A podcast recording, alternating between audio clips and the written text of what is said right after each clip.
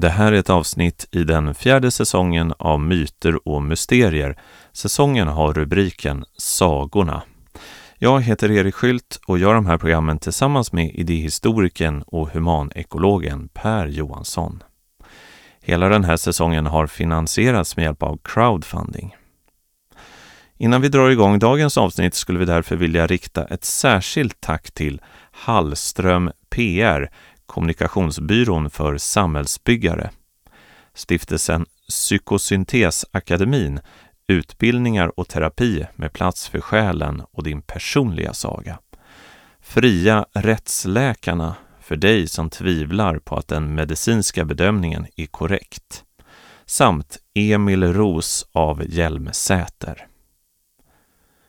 Men nu är det dags för dagens avsnitt av Myter och mysterier.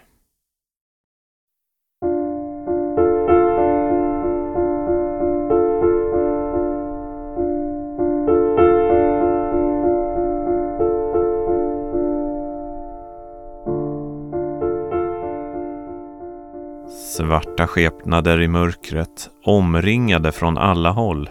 I dagens program tar vi avstamp i en av de mest skrämmande scenerna i hela Sagan om ringen. Det är en direkt konfrontation med mörkret, för ur skuggorna kommer de, ringvålnaderna, och de är på jakt efter huvudpersonen Frodo. Men vad finns det för djupare innebörd i ett sånt här möte med mörkret? Och vad kan sagans hemlighetsfulla innehåll säga om våra liv idag? Det är utgångspunkten för dagens samtal som har fått rubriken Ondskan.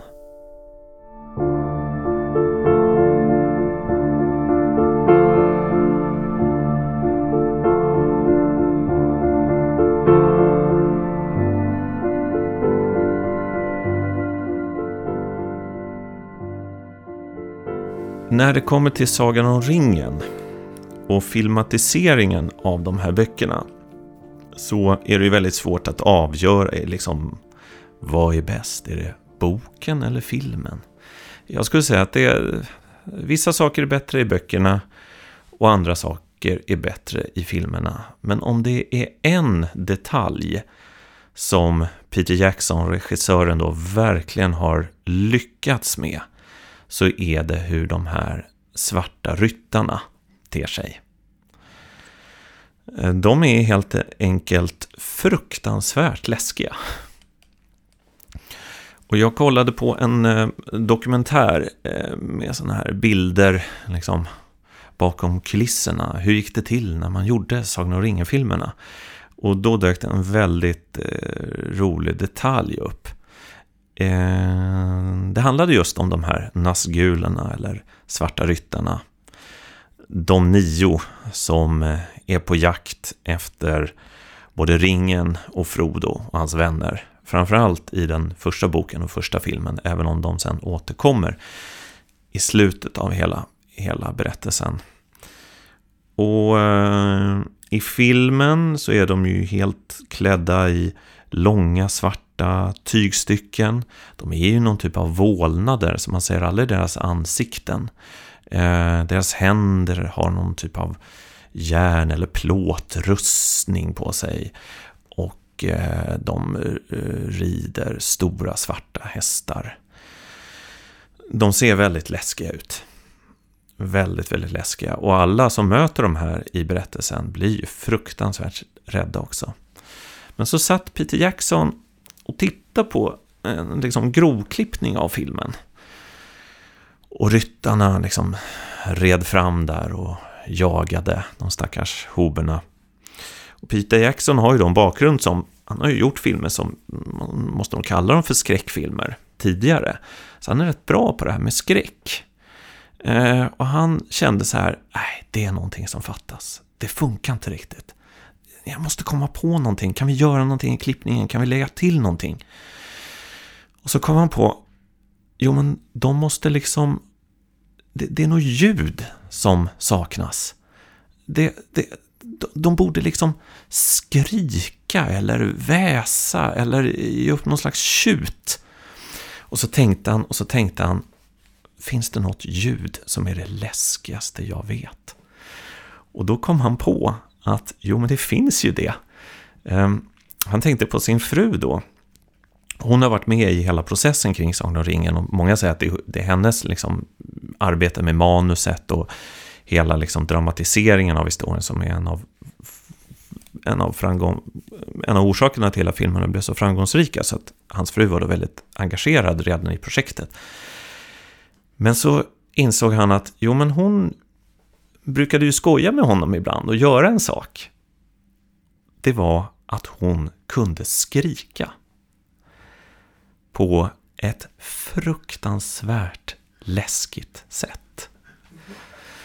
Och eh, så de här ljudteknikerna då, de har ju en hel stab för en sån här stor film. De eh, gick fram till frun och bara, du eh, Peter säger att jo, du, kan, du kan skrika och det låter rätt läskigt. Kan du komma in i studion och så prövar vi att spela in det? hon bara, ja, ja, okej. Okay. Och sen så, sen så stod de där och gav ifrån sig det här. Alltså de som har sett filmerna hör ju det här ljudet framför, i, i sitt huvud nu. Får jag nästan klippa in det tror jag här i, i, i vårt samtal så att det verkligen...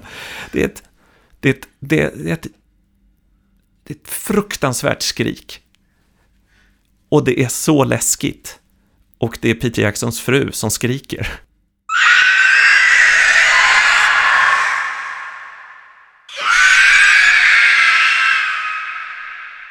Och när hon la det skriket in i filmen så blev de här svarta ryttarna, då var det perfekt. De skriker liksom... Äh, det är något sånt. Det var så fruktansvärt läskigt. Och sen var alla jätteglada, va? Där satt det. Och det gjorde det. Det här gör dem ännu, ännu mer skrämmande. Och i filmen och i böckerna där de här svarta ryttarna då träder fram för första gången ehm, fullt ut är på ett ställe som heter Väderklint. Hoberna har då tagit sig eh, från eh, Fylke genom den här gamla skogen. De har varit i en liten stad som heter Bri. De har träffat Aragorn som är då en människa och en han är ju den blivande kungen, så han är ju en ganska mäktig person, men, men det är bara han och hoberna ute i vildmarken och de jagas av de här svarta ryttarna. Och på väderklint så blir de då omringade. Jag tror inte alla kommer, jag tror fem av de nio som dyker upp. Och eh, de kommer där i mörkret eh, som svarta gestalter och Frodo blir så rädd så att han bara vill fly. Och det som händer är då att han sätter på sig ringen, vilket han absolut inte borde ha gjort. Och då blir han liksom fullt synlig. Han träder in i någon typ av skuggvärld där de här eh, varelserna är helt verkliga och ser honom. De är lite begränsade, de är någon typ av spöken nästan, som är lite begränsade i den här vanliga världen, men när han tar på sig ringen, då är de liksom i samma värld. Så han ser deras ansikten, han ser att de är gamla människokungar som då har lurats av mörkrets förste och blivit helt förtappade.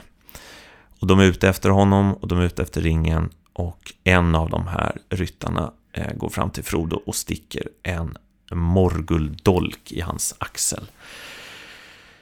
Och eh, sen så kommer Aragorn med lite brinnande facklor och skrämmer iväg de här eh, Nazgulerna, men de har liksom utfört sitt verk och eh, stuckit dolken i Frodo och sen så drar de sig iväg. Eh, och vi, vi kan ju släppa Sagan om ringen-historien där, för att jag, det jag egentligen tänkte säga var en annan sak som döljer sig i den här scenen och döljer sig i hur Svarta Ryttarna uppträder och vilka de är och vad de har för funktion. Och det här tror jag är någonting som finns i alla sagor. Och det tänkte jag skulle vara eh, utgångspunkten för, för dagens program. Det är så här. I sagans värld är ofta ondskan tydlig. De här svarta ryttarna har varit människor någon gång i tiden. Eh, de har korrumperats och blivit i alla fall slavar under mörkret. det finns egentligen inte så mycket konflikt i dem. De är onda. De är mörka. Eh, de utför sin herre Saurons vilja. Men hur uppträder de i världen? Jo, fruktansvärt skrämmande. De är någon typ av monster, skulle man kunna säga. Alla som ser dem ser på långt håll att de där är otroligt onda. Eh, det finns inget tvivel. Det finns ingen möjlighet i vare sig Tolkiens värld eller i många andra sagor att liksom diskutera med ondskan. Eh, det går inte heller att, att liksom relativisera den eller... Den är liksom bara ond. I sagans värld. Men i vår värld, och det är här jag tänkte att vi skulle börja själva samtalet, så uppträder ju ondskan inte på samma sätt. I vår värld är det nästan snarare tvärtom. Många, många onda handlingar utförs av personer som till exempel tror att de är goda eller låtsas vara goda. I vår värld så är ondskan mycket mer förknippad med lögnen på något sätt. Och det är väldigt, väldigt sällan, om ens någonsin, som det onda då framträder i Nazgulernas skepnad. Det här tycker jag är ganska intressant och det, vi kan ganska lätt eh, eh, lämna Sagan om ringen och säga att det här är nog någonting som finns i nästan alla myter. Och jag, jag tänkte snabbt göra en liten, liten utvikning med en annan berättelse som präglat mitt liv väldigt starkt. Eh, för att jag tog del av de här när jag var i formbar ålder. Och det är då Star Wars-filmerna. Mm. Eh, där är det lite likadant men på ett mer avancerat sätt. I de första filmerna så uppträdde då Darth Vader. Han är väldigt, väldigt farlig. Men så inser man att, nej men vänta nu. Det är Luke Skywalkers pappa. Och Luke känner att det finns en konflikt i honom. Det finns något gott. Han är eh, en människa bakom sin mask. Och det finns någonting gott i honom som kan väckas till liv. Och Luke i den sista av de tre första filmerna lyckas ju då på något sätt frälsa sin pappa eller rädda sin pappa. Och då har jag en liten teori här, eh, Star Wars-teori, det är att Darth Vader är en vanlig människa. I honom pågår kampen mellan gott och ont. Men den som är den onde, som är då kejsar Palpatine, han är ingen människa. Han är något annat. För att i honom finns det ingen konflikt. Han är bara ond. Det är snarare så att han är Darth Vaders onda sida. Och i slutet av de, den tredje av de första filmerna så, så kastar ju Darth Vader ner den här kejsaren i ett mörkt hål. Och då blir han liksom fri. Så det är mycket mer att kejsaren är som en Nazgul då. Det går inte, han är bara ond. Det går inte att prata med honom. Han bara är ond. Men Darth Vader är människa. Så i honom pågår den här kampen mellan då kraftens ljusa och mörka sida. Han har, han har sin son som vädjar till honom. Pappa, det finns något gott i dig. Och så finns det då kejsaren som säger Du har svurit din trohet till mörkret och du måste döda din son. Och då så blir det ju då att när Darth Vader då ställs inför eh, uppmaningen från mörkret att döda sin egen son så tänker han, nej, då är det bättre att jag dör själv. Och då kan han då förgöra den här onda anden. Och bli fri. Eh, I och med att det här är så genomgående i alla sagor så tänker jag att det finns någonting som vi kan lära oss om just det onda. Och jag gissar att du också har en del att säga om det här. Ja, jag har tänkt mycket på det där som du sa nu. Att eh, är det någonting som närmast definierar en saga så är det att, det att det onda och det goda är väldigt tydligt. Och ibland är det ju då så som det är i Sagan om ringen. Att de som är onda, de är onda. De som är goda, de är goda. Sen finns det de som i och för sig har för, förflyttar sig eller har förflyttat sig från den ena sidan till den andra. Åtminstone har en tendens eller en... Det hände, vid något tillfälle så... Saruman kan man ju tänka på. Framförallt i Sagan om ringen som väl inte är ond från början men som uppenbarligen är ond när den här historien bryter ut på allvar. Fast han, han är inte ond på samma sida som Sauron och kompani då. Utan han kör sitt eget onda race så att säga.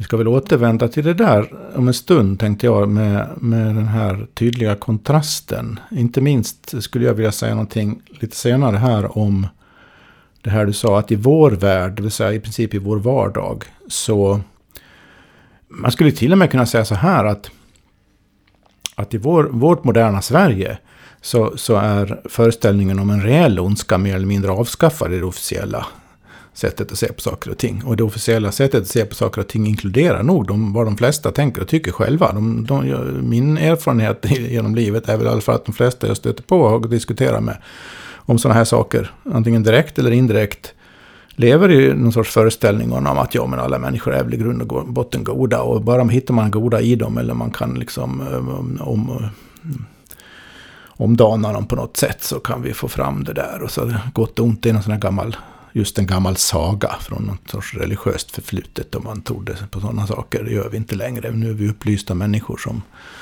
ska ta hand om varandra på andra premisser. Eh, vi, kan återvända till den dimensionen av den här diskussionen. Jag skulle vilja stanna faktiskt vid, vid väderklint.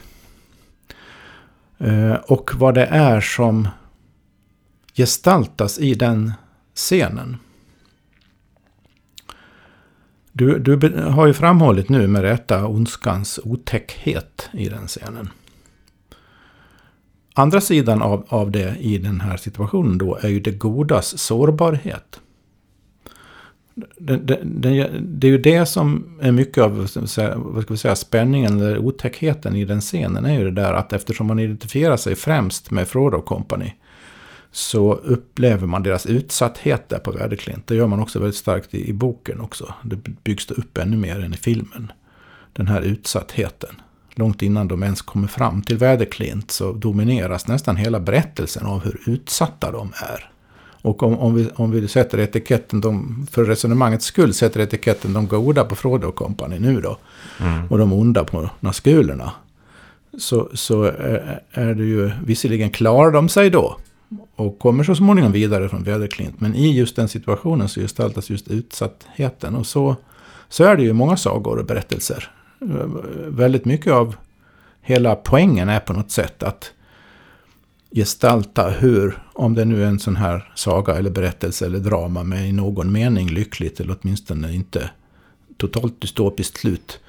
Så är ju på något sätt lite grann poängen att gestalta hur det goda trots sin svaga position initialt, eller sin svaga position ändå segrar i någon mening.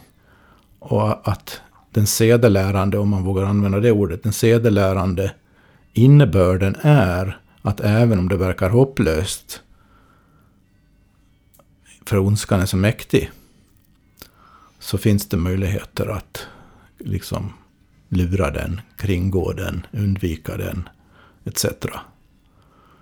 Och det gäller ju lika mycket, var, även om den här utvecklingen är in, gå, äh, ehm, händelseutvecklingen, eller vad man ska kalla det, även om den för sig går inom en karaktär så gäller ju samma sak som jag, som jag sa nu. Så då funderar jag vidare, när jag hade tänkt så långt så funderar jag vidare. Varför är det så här? För är det, är, det någon, är det någonting som alla som har med berättelser att göra, vare sig man själv producerar berättelser eller en sån där som liksom söker och vill publicera berättelser eller producent eller är... Alltså alla som arbetar på något sätt med berättelser. Och det gäller även, eh, även så kallade dokumentärer. Om det inte finns någon konflikt, om det inte finns någon, några kontrahenter, om det inte finns en protagonist och en antagonist, det vill säga en som man hejar på och en som man är emot, så lyfter inte berättelsen i den meningen att den väcker inget intresse.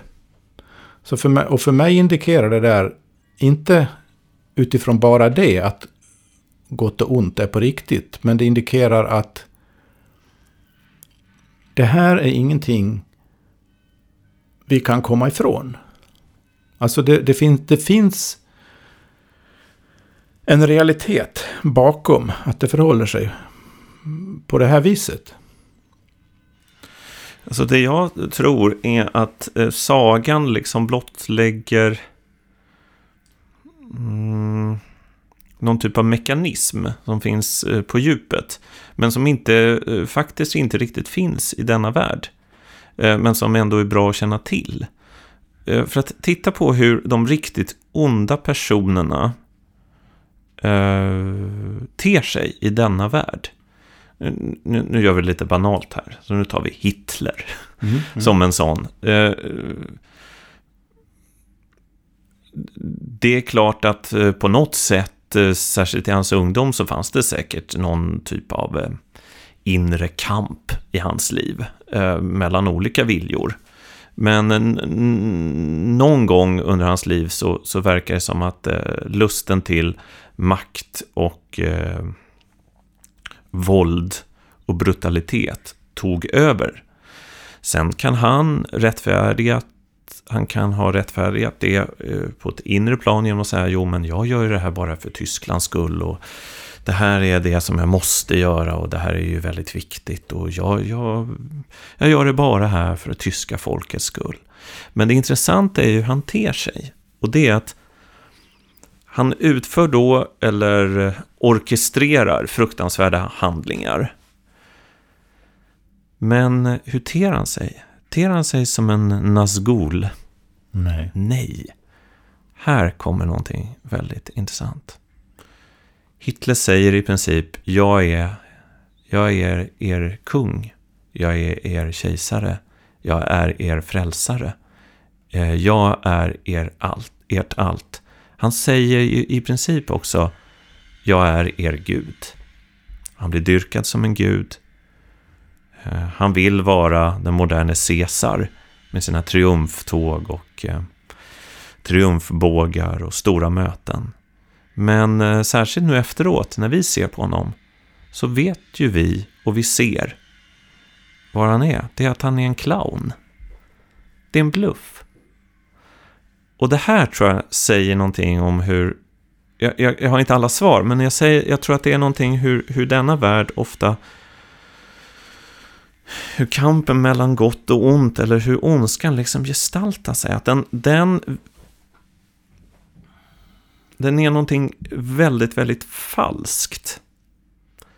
Eh, Nazgulen är ju inte falska. Det finns inget falskt i dem. De är ju ärliga med sitt uppsåt. Låt oss säga att Hitler var en clown. Att han var en bluff. Betyder det att den ondska han initierade var en bluff? Att den inte fanns? Nej. Nej, det nej, nej, nej. kan du inte göra, eller nej, hur? Nej, nej, nej, absolut inte. Så ba, man skulle ju då kunna säga att bakom, bakom Hitler finns en Nazgul. Mm. Eller eller han, vad heter han nu i, i Star Wars? Palpatine, ja. Eller Palpatine kanske han heter. Ja. Som existerar i en osynlig dimension skulle man kunna säga. Som besätter Hitler. Det, det, det är så jag... Och den ondskan det, är mm. ond. Mm. Och den existerar. Mm. På riktigt. Och det spelar ingen roll om man tror på den eller inte. Tvärtom är det väldigt bra för den ondskan om man inte tror på den såklart. Um, Låt mig ta en liten omväg mm. till det för många kontroversiella påståendet. Ja, ja. I det allra första programmet du och jag gjorde tillsammans, jag gjorde tillsammans, kommer du ihåg det? Ehm, ja, när jag var hemma hos dig. Det var 20, sommaren 2012, vill jag minnas. Och programmet fick titeln Sök och du ska finna. Som ingår i en, en annan serie som du höll på med då.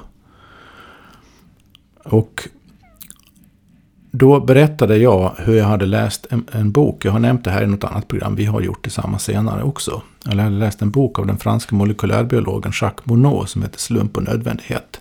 Där Monod, som, Monod var en nobelpristagare i medicin. Någon ledande forskarna när det gällde.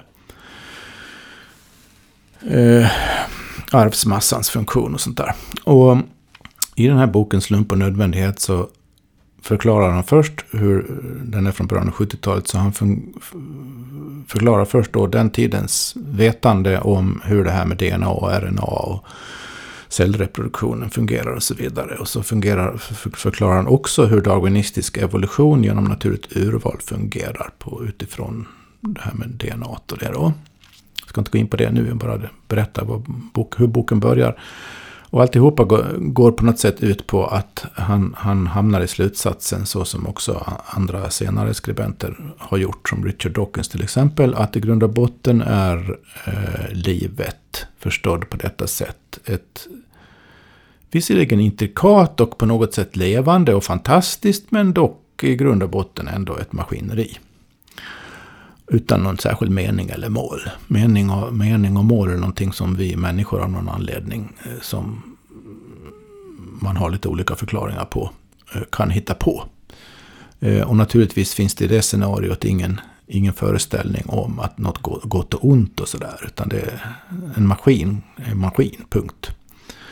Ett maskineri är ett maskineri och så är det inte mer med det. Det bara händer saker egentligen i grund och botten. Det fästa, fälla några moraliska omdömen om hur naturen fungerar eller sådär. Det, det brukar kallas för det naturalistiska misstaget och det, det ska man akta sig för om man ska vara vetenskaplig. Ja, och så sista kapitlet i den här boken då så, så, så brister han ut i någon sorts tirad över hur meningslöst livet är och att eh, vi, vi som har förstått det där, vi heroiska, insiktsfulla, kunniga vetenskapsmän och de som tror på oss, vi, vi, vi, vi, vi accepterar meningslösheten. Och så slutar boken så. Och det där reagerade jag väldigt starkt på och tänkte, det där, det där är ju fel. Och efter, efter att ha ägnat rätt mycket tankemöda åt det där så kom jag på vad det var som var fel. Mm. Och det var, som jag säger i det programmet, men jag upprepar det nu väldigt kort. Det rent, egentligen, rent faktiskt, vetenskapliga felet är att man kan inte komma fram till den slutsatsen på grundval av ett darwinistiskt resonemang. Därför att och det här är en väldigt kort version nu då, säger jag till er som förstår sig på sådana här saker. Att darwinistisk evolution, naturligt urval, handlar fundamentalt allra mest om anpassning. Det betyder att alla olika organismer, inklusive vi då, anpassar oss till, oss till varandra hela tiden kontinuerligt i en så kallad ekologi. Ett ekologiskt system, ett ekologiskt sammanhang. Och det äger rum i realtid hela tiden. Det, och, och hur, hurdana vi är och hurdana, hurdana alla andra organismer är, det bestäms av deras arvsmassa. Denna, arv, denna arvsmassa är utsatt för naturligt urval. Och, eh, eftersom arvsmassan då bestämmer hur vi är, så betyder det att om arvsmassan ger upphov till egenskaper eller beteenden hos oss som gör oss liksom mindre livskraftiga, vi får mindre avkomma än, än, än andra, då kommer de egenskaperna så småningom att försvinna. Så vad är, vad är det för en egenskap då som utmärker alla människor? Ja, det är många. Men en av de här egenskaperna som utmärker alla människor i alla tider, det är att vi är otroligt meningsfixerade. Att vi klarar egentligen inte av att leva överhuvudtaget utan mm. mening. Så att om, om, om, meningen försvinner, och den, den kan ju yttra sig och upplevas på väldigt olika sätt. Men alltså själva meningsupplevelsen måste finnas där, för annars dör vi. Och det finns ju många exempel på studier av det där. Det där, det där då, då kommer jag fram till på rent darwinistiska premisser då att meningsupplevelsen uppenbarligen har en väldigt hög levnads... Det finns en realism i den. För att det här med dagonistisk anpassning har med, får till följd att vår uppfattning om verkligheten är realistisk.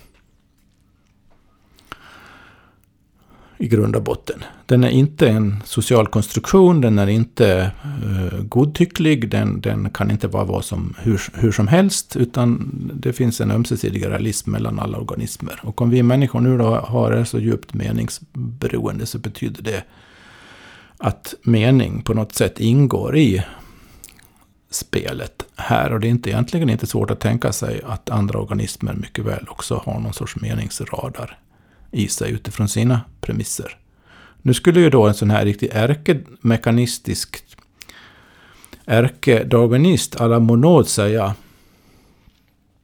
Ja, men det där bevisar ju inte att meningar är på riktigt. Det bevisar ju bara att om, om en varelse, människan, på något sätt eh, uppstår någon sorts mutation i den här människan som gör att hon upplever men, mening så eh, har hon större överlevnadschanser och, och, och likaså hennes avkomma och så vidare. Så att på det sättet så försöker man försvara den här meningslöshetsmaskineri. Eh, Men vad kommer gott och, gott och ont in? Ja, gott och ont.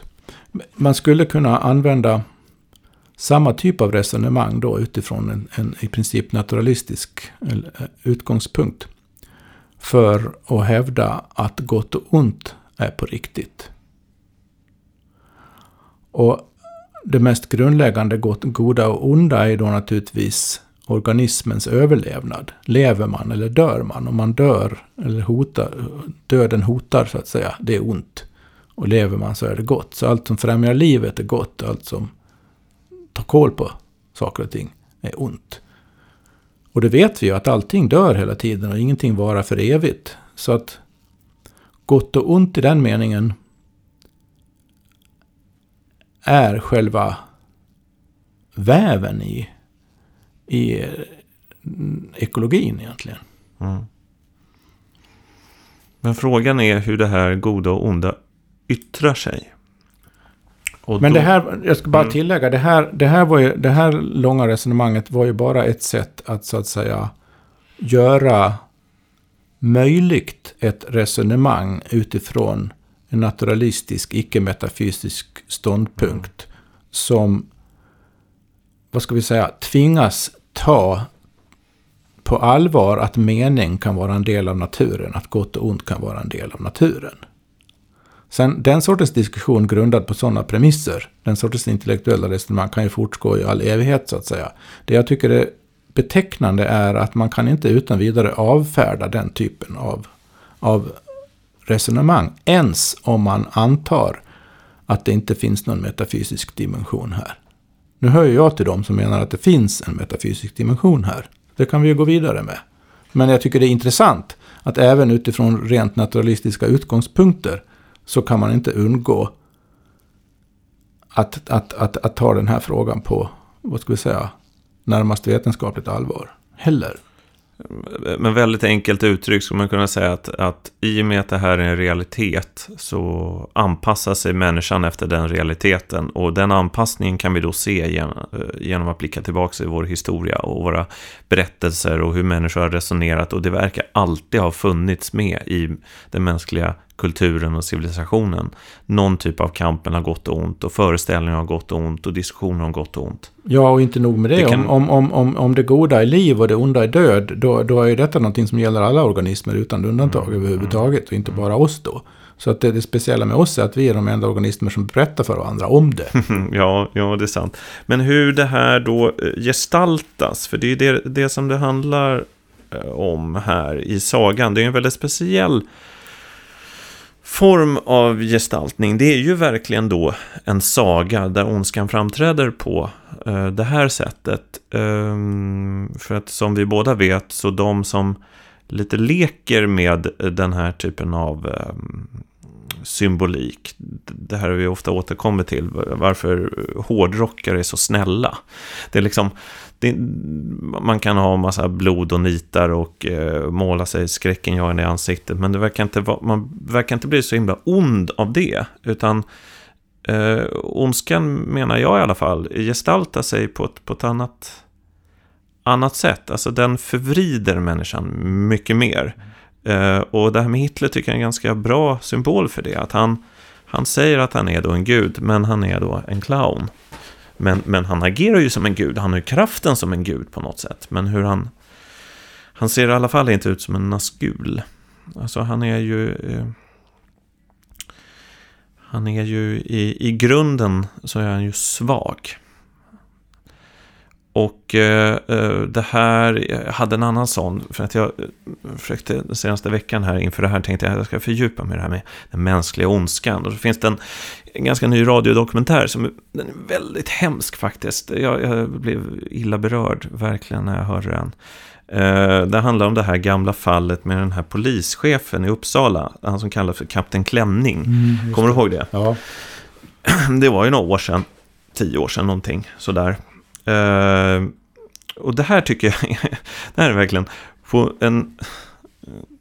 Tydligen så här blir det inte om hur, hur ondskan liksom eh, tar sig fram i denna värld. Det är ju en man som då utåt sett sysslar med eh, jämställdhet och eh, att kvinnor ska ha samma möjligheter och rättigheter som eh, män och eh, att det här framförallt ska gälla inom poliskåren då. Och anlitas som föreläsare och så. Men sen har han ju då en dold sida som är fruktansvärd. Att han, det han sysslar med eh, i hemlighet då är att plåga kvinnor på massa olika sätt. Han blir dömd för då våldtäkt och sexköp och eh, i den här dokumentären så går de in, de går inte in, man får inte alla detaljer men det lilla man får reda på är verkligen, alltså det, det är mörkt. Det är fruktansvärt mörkt.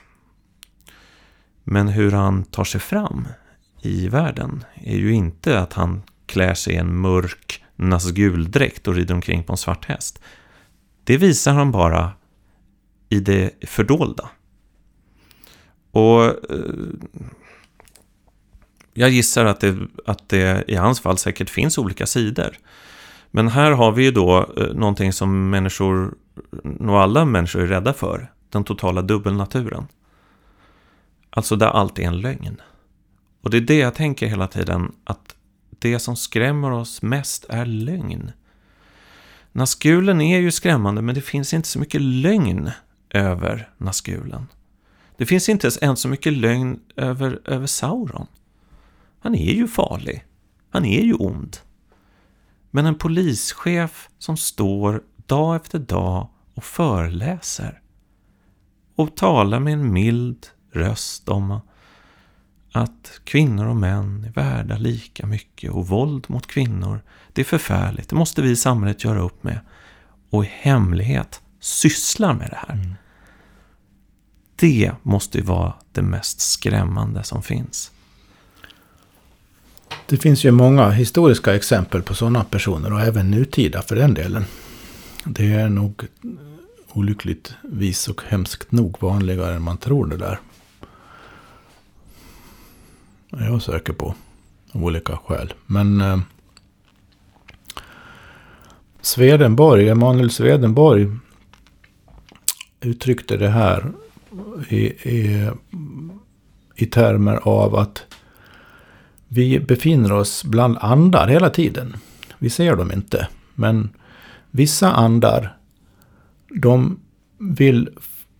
Allt vi tänker och känner, allt som vi motiverar oss är andar. Och det, det här kan man ju tro vad man vill om, men vad han menar det är att vi är hela tiden ansatta av impulser som är osynliga och opåtagliga för oss och som vi inte kan peka ut men som vi hela tiden är ansatta av. Och de, det upplever vi erfarenhetsmässigt som våra tankar och känslor. De kommer så att säga inte från oss i meningen, de kommer inte från vår medvetna, vårt medvetna jag, utan vårt medvetna jag får ju tvärtom ägna väldigt mycket tid att försöka förstå sig självt. Rättare sagt, de impulser, impulser man är utsatt för. Mm. Det där finns ju hos naturfolk också som menar att människan inte har några egna tankar, utan det vi gör är att lyssna på Guds tankar. Ja. Eller gudarnas tankar. Ja, och då menar Swedenborg eh, utifrån vad han säger är sin egen erfarenhet. Och här är han ju inte ensam om att ha den erfarenheten då, som du just påpekade. Inte bara i, så att säga, i, i olika civilisationer, utan även bland så kallade naturfolk. Han menar då att, att eh, de här andarna är av två slag det finns ogoda andar och det finns onda andar. Och, så, och, och, och, så är, och striden mellan dem äger rum då inom varje människa. Och människans... Va, va, det är egentligen en definition av vad en människa är. En människa är den här blandade varelsen som behöver välja sida. Mm. Och vilken sida man väljer, vilka andra man lyssnar på, de avgör ens öde.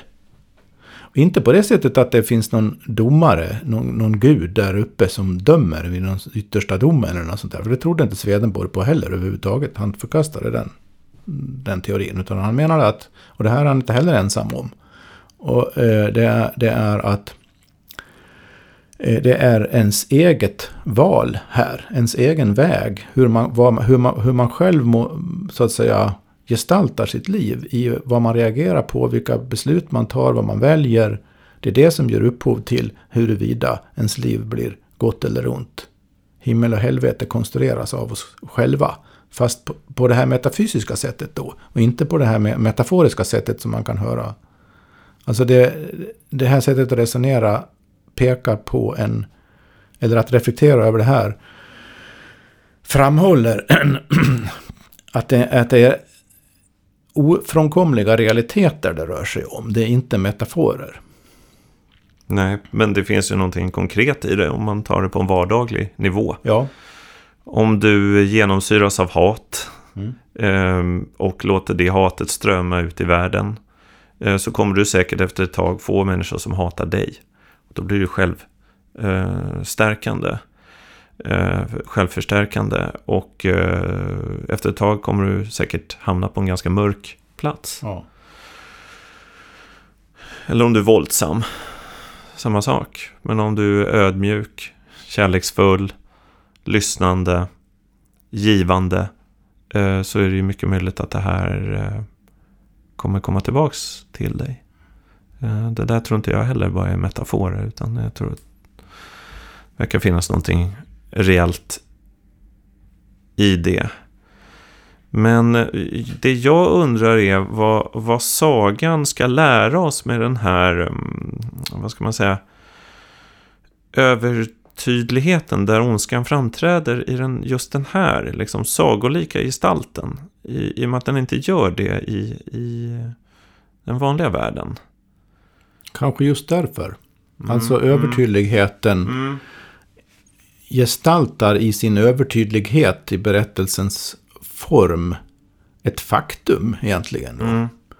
Eh, den avslöjar någonting. Mm. För sagan handlar om det som ligger bakom och under. Alltså mm. sagon... En, jag tycker en bra definition av det saga, så som vi pratar om det i de här programmen, är att den konkretiserar, den, den gestaltar konkret det som är osynligt.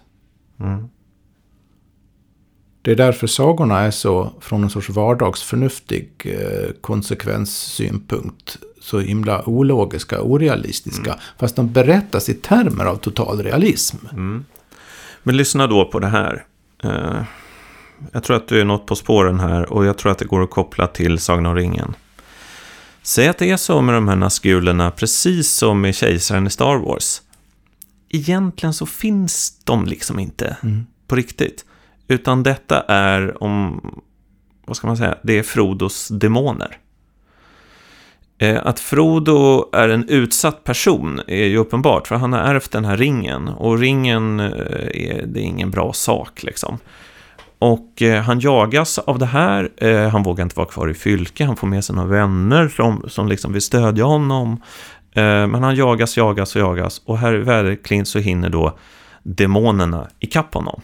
Han kan inte, liksom, han måste möta dem. Vad händer i det mötet?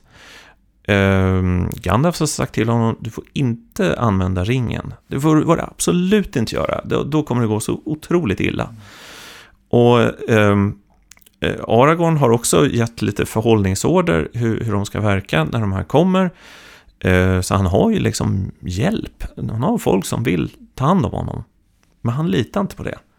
Utan han eh, faller ju här faktiskt. Och vad är det som, som gör att han faller? Jo, det är att han blir så fruktansvärt rädd. Då. Och han sätter på sig ringen. Så att han går ju egentligen över på den mörka sidan då när mörkret kommer. Och det här gestaltas i berättelsen att han blir skadad. Han blir då sårad, han får dolken i sig. Och det är här som man skulle kunna tänka sig att eh, Frodo då på ett sätt går över på den mörka sidan. Det är i alla fall så att han börjar eh, en, en mörkervandring. Det är här han blir liksom korrupt. Mm. Så att det här med Nazgulen är egentligen hans inre kamp som han har här på Väderklint och förlorar i princip. Och det som han... Eh, det som gjorde att han förlorade var att han, han blev så fruktansvärt rädd. Och han litade inte på dem eh, som fanns runt omkring honom som faktiskt sa det här som ett Jesusord, var inte rädd. Eh, för att om han inte hade varit rädd, då hade han ju kanske kunnat stått emot de här naskulerna. För en intressant sak är hur naskulerna är verksamma, egentligen hela berättelsen, men framförallt i början. Eh, det är att egentligen så skadar de ju ingen. De är inte några de, de ser ut som farliga krigare och de har svärd och sådär. De försöker friskada, men de gör ju inte det. De kanske bara är vålnader. De kanske bara är onda andar. De kan inte göra någonting. De är egentligen maktlösa. Men deras starkaste vapen är rädslan.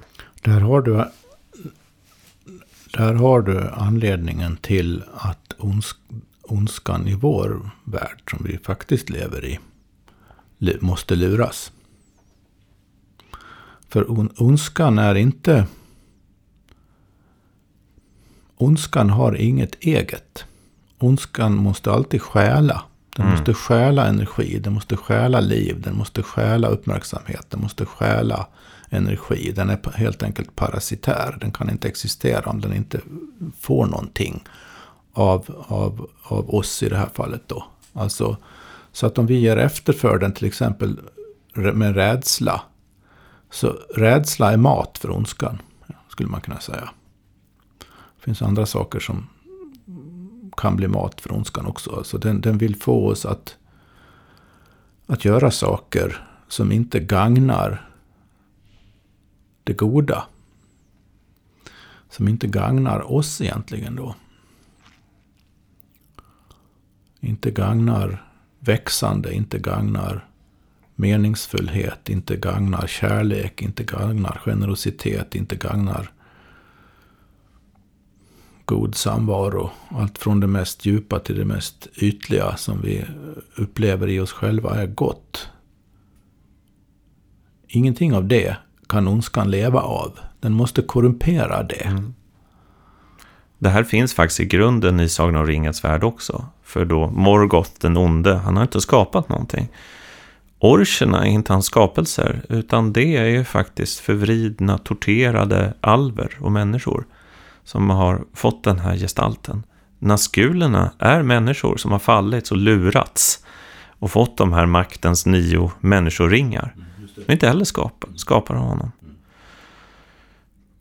Någonting, nu börjar vi komma mot slutet av dagens program, men jag kastar in en sak här som vi måste återvända till. Och det är eh, någonting som jag har brottats mycket med och försökt fördjupa mig lite extra i inför den här serien. Och det är att Tolkien själv var ju otroligt intresserad av det fornnordiska och han tyckte att vi levde i en avförtrollad värld som behövde myten eh, borde komma tillbaka. Mm. Eh, samtidigt så vet vi att han var otroligt from troende katolik. Och eh, det här var ingen hemlighet och det är känt också att han i sin krets då var som en, han var liksom teologen i gänget och det sägs att det var han som fick eh, Eh, C.S. Lewis att gå från ateism till kristendomen. Sen tror jag C.S. Lewis blev protestant ändå, eh, men, men eh, det här var väldigt viktigt för Tolkien.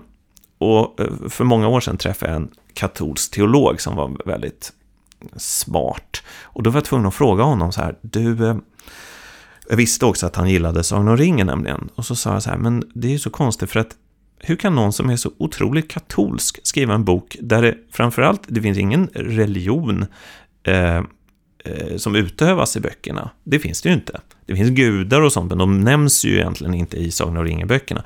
Det finns lite magi, men det är liksom ingen religiös värld på det sättet. Nej, det är sant. Men då sa han så här. Jo, men den där världen, det där är den katolska urgamla kristna synen på kosmologin. Alverna är änglar, naskulerna är demoner och liksom detta är detta, det här osynliga kosmoset som det då i, i, även i kristendomen där de där aspekterna är nedtonade nu för tiden är, är fullt reella. Det där, eh, det, ligger, det där ligger mycket i. Eh, jag skulle, det är ju det som gör att man inte inte idag eh, förstår egentligen var, vad man än nu tycker om den kristna tron eller teologin. Och det vet att jag tycker olika saker om det också. Men vad man än tycker och tror om den så kan man överhuvudtaget inte förstå den om man inte förstår att det finns en kosmologi som, som eh, bakom som så att säga är grunden för alltihopa, inklusive de olika moraliska aspekterna av det hela. Utan att förstå kosmologin bakom så förstår man egentligen inte tron heller. Och det, här, det där har försvunnit i modern kristendom praktiskt taget helt och hållet.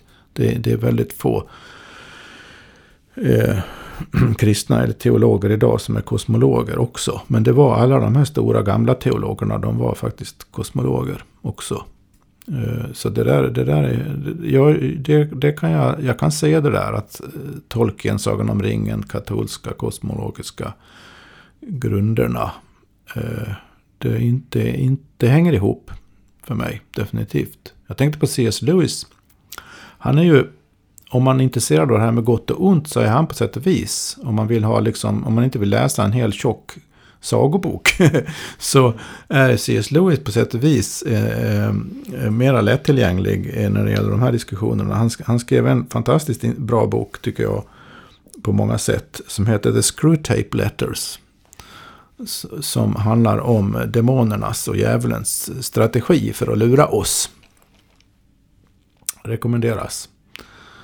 Eh, han skrev också en science fiction-serie faktiskt, i tre delar som handlar om eh, vår moderna värld, eller moderna världen så som den var när han skrev den. Och, och som också handlar väldigt tydligt så småningom det här med gott och ont. Jag tror första delen heter Utflykt från tyst planet, om jag minns rätt.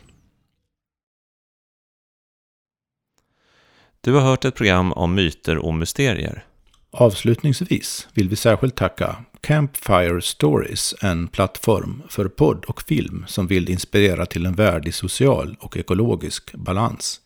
Marianne Holmberg som erbjuder Framtidskartan, en individuell guidning för dig som vill reflektera över din livsberättelse fram tills nu och rita kartan till din framtid. Fotografen Aron Mattsson samt vår webbmaster Ludvig Lindelöv.